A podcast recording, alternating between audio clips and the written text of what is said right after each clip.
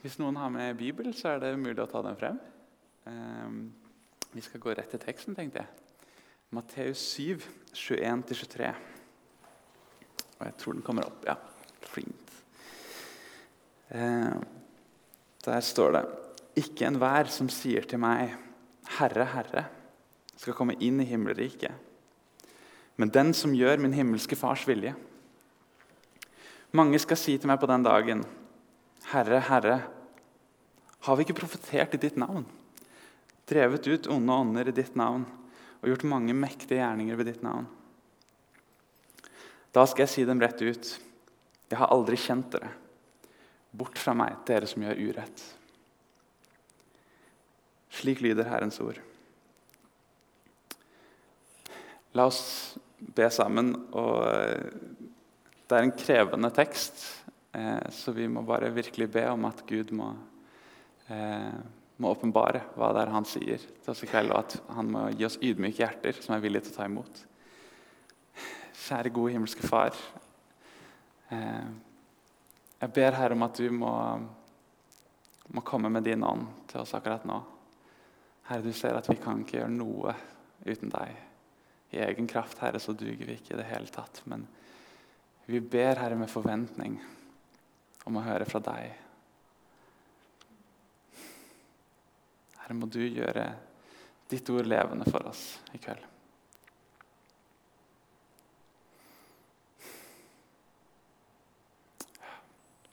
Amen. Så eh, Det er sikkert mange av dere som lurer på hvorfor jeg har valgt en slik tekst for første gang jeg skal tale til dere. Skal jeg være helt ærlig, så har jeg lurt på det sjøl. Fordi eh, det korte svaret er nok at hadde det vært opp til meg selv, så hadde jeg ikke valgt en sånn utfordrende tekst. Eh, tenk så deilig det hadde vært å bare kunne forsyne et eller annet oppmuntrende om verdifulle dere er, og hvor elsket dere er av Gud. Eh, det at Gud har en plan for livet ditt, at han ønsker deg godt. Alle viktige, gode sannheter eh, som vi trenger å høre. Men jeg opplevde at dette var teksten som Gud la meg for hjertet, og da, da forsyner jeg den. Eh, jeg tror Gud ønsker å si noe veldig viktig til oss gjennom den. Eh, så la oss se nærmere på teksten. Vår tekst kommer eh, mot slutten av det som heter Bergpreken, som er kanskje Jesu mest kjente tale. Og, De av dere som var her i 2020, i begynnelsen av 2020, husker sikkert at eh, Jon Olav ledet dere gjennom en taleserie som handlet om nettopp Bergpreken. Eh, og de som var der, har jeg hørt at det, det, var veldig bra og veldig givende. Så det går an å sjekke ut podkasten hvis det er noe som er av interesse. Eh, Rett etter det utdraget som vi har i vår tekst, så får vi avslutningen på bergpreken hvor Jesus eh, snakker om lignelsen om de to mennene. Eh, hvor den ene mannen bygde huset på steingrunn, og den andre bygde huset på sandgrunn. Og så står det det at eh, Den kloke mannen som bygde huset på fjell, han er den som hører Jesu ord og handler etter det. Mens den uforstandige mannen, den ukloke mannen som bygde huset på sand, er han som hører akkurat det samme ordet, men han handler ikke etter det. Og jeg tenker, De av dere som er håndverkere eller har drevet med noe praktisk arbeid, vet jo det at det hjelper ikke å si at du har en god idé. La oss bygge huset på steingrunn. Hvis du likevel velger å bygge det på utrygg grunn for å spare penger eller hva enn. sant? Fordi det er det du handler på, som viser hva du faktisk tror.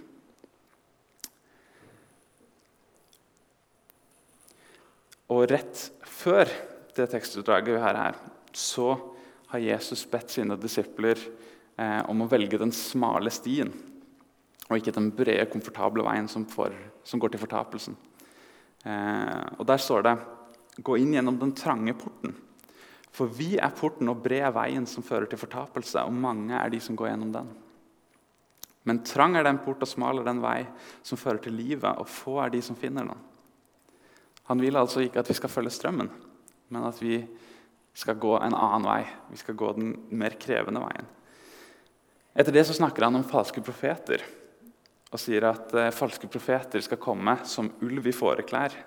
De skal fremstå som hellige og gode mennesker, Eh, men egentlig så leder de ikke til den smale stien, men de leder til den brede stien, som fører til fortapelse. Og Jesu oppmuntring er dere skal gjenkjenne dem på fruktene de bærer. Og Da snakker han ikke om at de har så og så mange som de har sett frelst, eller at de er eh, flotte bibellærere, karismatiske personer. Eh, alle mulige sånne ting. Men han snakker jo da selvfølgelig om åndsfrukter. Eh, og de ser vi jo i Galaterne 5. Og da, da spør dere det når dere hører en bibellærer. Bærer denne personen disse kvalitetene? Bærer deres liv vitne om kjærlighet, om glede, fred, overbærenhet, vennlighet, godhet, trofasthet, ydmykhet og selvbeherskelse? Dette er de sanne profetene. De bærer preg av den type frukt. Og Det er også da i denne nærkonteksten som Jesus sier ikke enhver som kommer til meg og sier 'Herre, Herre', skal komme inn i himmelriket, men den som gjør min himmelske Fars vilje. Det er jo da selvsagt at noen som sier 'Herre, Herre', skal komme inn i himmelriket. For så leser vi i Romerne at Paulus sier at for hvis du bekjenner med din munn at Jesus er Herre, og i ditt hjerte tror at Gud har reist han opp fra de døde, da skal du bli frelst. Poenget er at, altså poenget til Jesus er at det er ikke det at du har den rette bekjennelsen i din munn, som er en såkalt altså det, at Jesus er Herre. Det er ikke en billett til himmelen. Men han sier det at eh, det som du bekjenner, må også samsvare med livet ditt. Og Det er det samme som Paulus sier. At det er at du må tro i ditt hjerte. Jo, man tror i sitt hjerte hvis du handler etter det. sant? Og Det er derfor Jesus sier 'den som gjør min himmelske fars vilje'. Eh, og I hebraisk tankegang så skiller man ikke så tydelig mellom tro og handling. Det er, det er, mye mer vanlig i vår dag, og egentlig den måten som vi tenker på, minner mer om det, slik gresk tankegang var da. Det var mer filosofisk, det var et større skille mellom si, det kroppslige og det åndelige. Hvor de to tingene kunne skilles. Eh, men slik, slik, opererer ikke den braiske tankegangen. Derfor så, I dag så gir det mening for oss når noen sier for det at du må gjerne tro at f.eks. abort er galt, eller at Jesus er eneste veien til Gud. Men hvis du handler etter det, da, da skal vi ta deg, liksom. Men, men, egentlig så gir ikke den det påstanden mening. fordi hvis du tror noe, så må du handle etter det. sant? Eh, så vi lever egentlig i en tid hvor troen er blitt litt sånn privatisert. Du, du, kan få lov til å bruke, du kan få leve i troen i det private rom. I hjemmet, eh, i kirka di. Men hvis du skal på skolen eller jobben og tydelig bekjenner Jesus, så vil du oppleve motstand. Og Det er jeg helt sikker på at mange av dere har opplevd. Det har i hvert fall jeg opplevd. Eh, og jeg skulle tro hvis du ser statistisk sett, helt sikkert at det er noen her som kjenner på litt den der dårlige samvittigheten. Sant? At jeg burde sagt mer. Jeg burde delt om Jesus til mine naboer, til kolleger. Eh, jeg burde handlet mer i tro eh, offentlig. Men det er så vanskelig, og jeg, jeg kjenner det så godt. Eh, og det er så lett å føle på den frykten. da. Eh, men da vil jeg ta en liten stund til å bare oppmuntre oss alle sammen med historien til Peter. Eh, hvis dere husker historien, så han var, han var sånn som du og meg. Han eh, var redd, og når han var i tempelgården der, så fornektet han Jesus. Til og med tre ganger. Sant? Han ble satt under press. Men hva var det Jesus gjorde? Jo, Han tok han til side og spurte Peter, elsker du meg. For det er alt som egentlig betyr noe. Elsker du meg, Peter? Og hva ser vi når Den hellige ånd kommer over han bare litt over en måned senere? Så har du på pinsedag. Jo, da er det den svake, den redde, den unnskyldende Peter som står rakrygget og forsyner og sier at den Jesus som dere korsfestet, han har Gud gjort til både Herre og Messias. Og 3000 vender om og tar imot Jesus som sin frelser. Det er den samme Peter. Men se hva Den hellige ånd har gjort med han. Han har gitt han en sånn djervhet og frimodighet eh, som jeg tror ingen av oss kan ha i oss sjøl. Og, og, Det er derfor jeg håper at, eh, at vi, må, vi, må, alle be om at Den hellige ånd må hjelpe oss i dette. her. For det er ikke lett. Så, eh, så det er min oppmuntring eh, sånn midt i talen. Ikke strev i egen kraft eh, med dette med å liksom få frem frimodigheten, men be om, om Guds hjelp. Vi, vi, er nødt til å bare lene oss helt på Guds hjelp der. Og han elsker jo og, uh, han elsker mennesker, han ønsker å nå mennesker, og han ønsker å hjelpe oss i det. Eh, videre så sier Jesus i, i Matteus 7.: Mange skal si til meg på den dagen Herre, Herre, har vi ikke profetert ved ditt navn, drevet ut onde ånder ved ditt navn og gjort mange mektige gjerninger i ditt navn? Det er slik at det er mange på dommens dag som vil stå fremfor Jesus i full overbevisning om at de er hans disipler. Og de vil peke på sine gjerninger, og så vil de si at ja, men vi gjorde alt dette for din skyld. Sant? Og kanskje for, kanskje for deg så er det ikke akkurat disse overnaturlige gjerningene, profetere og drive ut onde ånder og eh, mektige gjerninger. Men kanskje for deg så ville det vært Se alt jeg ga til misjonen. Sant? Se alle de jeg fortalte om Jesus. Eller se alt, eh, alt jeg kan fra Bibelen. Se så mye kunnskap jeg har. Sant? Men alt det vil til syvende og sist bli avslørt som verdiløst skrap sammenlignet med det at vi kjenner Jesus. Og Paulus skriver nettopp dette til filipperne. Han sier at 'jeg regner alt som tap', fordi det å kjenne Kristus, Jesus min Herre, er så mye mer verd. For hans skyld har jeg tapt alt, og alt jeg har tapt, det regner jeg som verdiløst skrap. Bare jeg kan vinne Kristus. Vi fortsetter i Matteus, eh, i vers 23. Da skal jeg si dem rett ut. Jeg har aldri kjent dere. Bort fra meg, dere som gjør urett. La meg fortelle en liten historie. I 2015 så var jeg student i Trondheim. Og ehm, Jeg husker ikke helt hvorfor, men eh, jeg tror det var noen som, eh, som, utfordret meg på det. Men i hvert fall så bestemte jeg meg for at dette året så skal jeg lese hele Bibelen på et år. Og Da satt jeg 15 minutter hver dag og så liksom leste jeg. Og Da fulgte jeg en sånn plan hvor du eh, leser litt i Gamle testamentet, så litt i Nye og så litt i Salmene. For det funka veldig bra for meg da. Eh, og ja, jeg, jeg, Det var egentlig fordi jeg tenkte at jeg kan ikke kalle meg kristen, og så vet jeg egentlig ikke hva som står i Bibelen. på en måte. Altså Når noen spør hva, du, hva er det du, du tror på, så må jeg kunne svare. Og da er det viktig at jeg faktisk kan, kan hva som står der. Så det var, det var min tankegang. Eh, så jeg begynte å lese hver dag.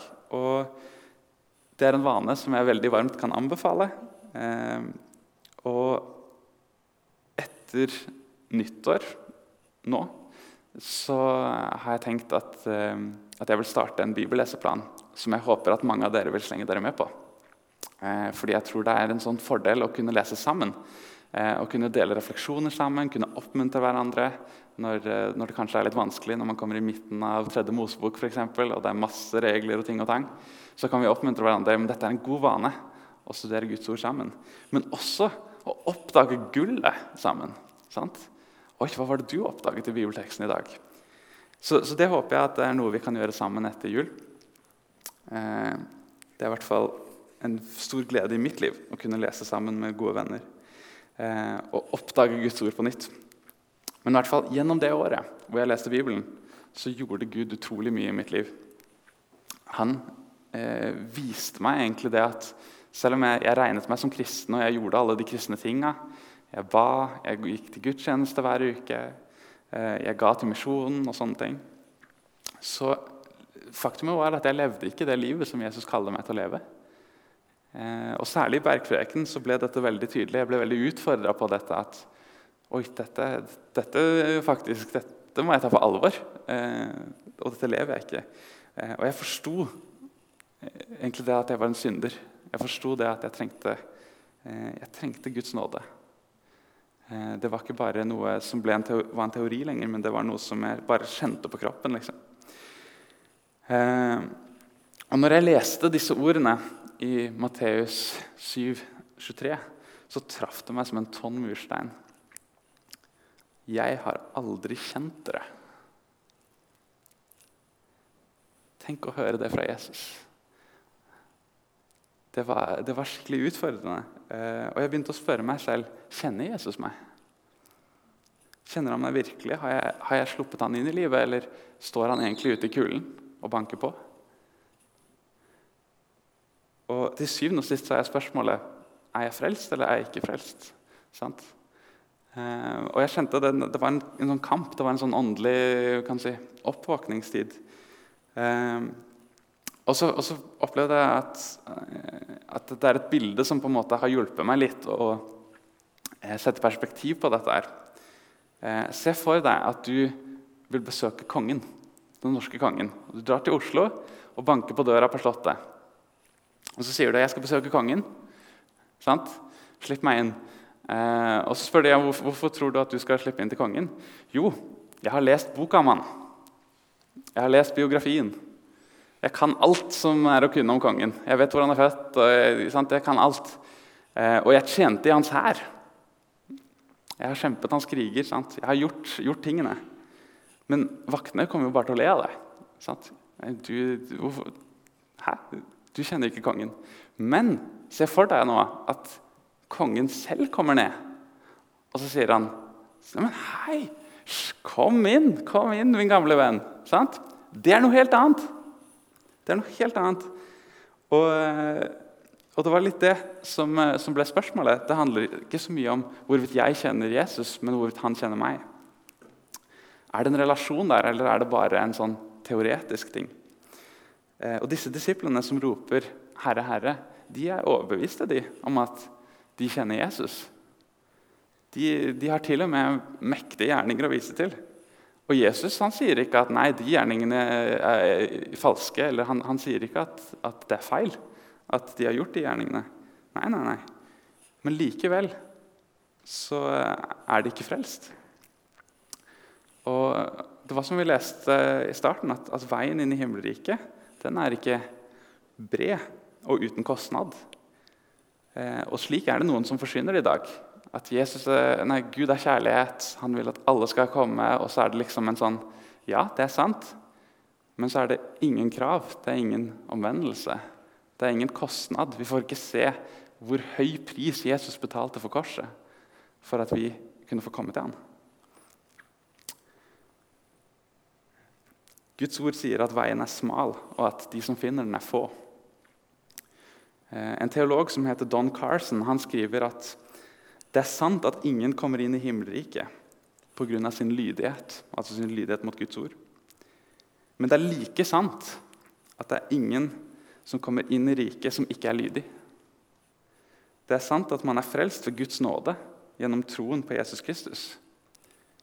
Men det er like sant at Guds nåde nødvendigvis produserer lydighet i troens liv. I eh, Lukas 13, 23 så var det noen som spurte Jesus ehm, Herre, er det få som blir frelst? Det er jo et interessant spørsmål å få. Skal vi se hva Jens svarte. Da sa han Kjemp for å komme inn gjennom den trange døren. For jeg sier dere, mange skal forsøke å komme inn, men ikke klare det. Når husherren først har reist seg og lukket døren, og dere blir stående utenfor og banke på og sier, 'Herre, lukk opp for oss', da skal han svare, 'Jeg vet ikke hvor dere er fra'. Og Da vil dere si, 'Vi har jo spist og drukket sammen med deg', og du har undervist på gatene våre. Men han skal svare, 'Jeg vet ikke hvor dere er fra'. Bort fra meg, alle dere som gjør urett. Og I Matteus 25 leser vi lignelsen om de uforstandige brudepikene som ikke hadde olje på lampene sine. Og når brudgommen kommer, eh, så var de ikke klare. Og de ble stående utenfor og banke på og si, 'Herre, lukk opp for oss.' Men han svarte, 'Sannelig, jeg sier dere, jeg kjenner dere ikke.' Så våg da, for dere kjenner ikke dagen eller timen. Hvilke forferdelige ord det måtte være å høre på dommens dag. Og jeg ber om at ingen av oss som er her, må være så uforstandige eller så arrogante eller så selvrettferdige at vi tror at det ikke kan gjelde oss. Vi må alle stå framfor Gud eh, en dag, og han ser tvers igjennom oss. Han ser alle hjertets motiv, han ser hver ond tanke, hver egoistiske motiv som vi har. Han ser hvert, hvert lystfulle blikk, han kjenner vår historie. Det er ikke noe vits å skjule noe fra han. Det var Jesus som sa at dersom ikke deres rettferdighet langt overgår de skriftlærdes og fariseernes, så kommer dere aldri inn i himmelriket. Og som også sa, vær da fullkommen, lik deres himmelske far er fullkommen. Poenget mitt er dette at vi, vi er alle fordømte uten Kristus. Vi kan ikke noe annet. Det er, Guds ord sier at, at vi er døde i vår synd. Og det er ikke en eneste en av oss som det vil hjelpe noe som helst å peke på våre gjerninger, uansett hvor fromme eller hellige de måtte virke for oss. For faktum er at selv de beste gjerningene som vi gjør, har blandet inn selviske motiv, ønske om å fremstå på et visst vis, ønske om å eh, ja, få en viss ære av mennesker, f.eks. Og Det gjør at, at, selv våre beste gjerninger er egentlig litt som skitne klær for Guds øyne, hvis vi tror at de skal frelse oss. For Guds nåde handler heller ikke om at Gud ser gjennom fingrene på vår synd. Han unnskylder ikke vår synd. Han sier ikke 'det er ikke så farlig, gjør bedre neste gang'. Nei. Hvis vi tenker slik om nåden, så har vi misforstått. Og resultatet blir at vi forblir fanget i vår synd. hvis vi tenker slik. Jesus kom for å sette oss fri fra syndens slaveri, ikke å gi oss en unnskyldning til å forbli det. Slik en god far som ikke ønsker å la sønnen forbli passiv og umoden og rebelsk. Nei, han ønsker å hjelpe sin sønn til å leve rett og være en tjener for det gode. Nådens hensikt er ikke å la oss slippe straff, men å forsone oss med vår skaper. For Gud er livets kilde, og det er kun i relasjon til Han at vi virkelig kan finne liv. Eh, og Han har lovet oss at vi skal få liv og liv i overflod. Så Derfor sier Jesus at dette er det evige liv. At de kjenner deg, den eneste sanne Gud, og ham som du har sendt, Jesus Kristus.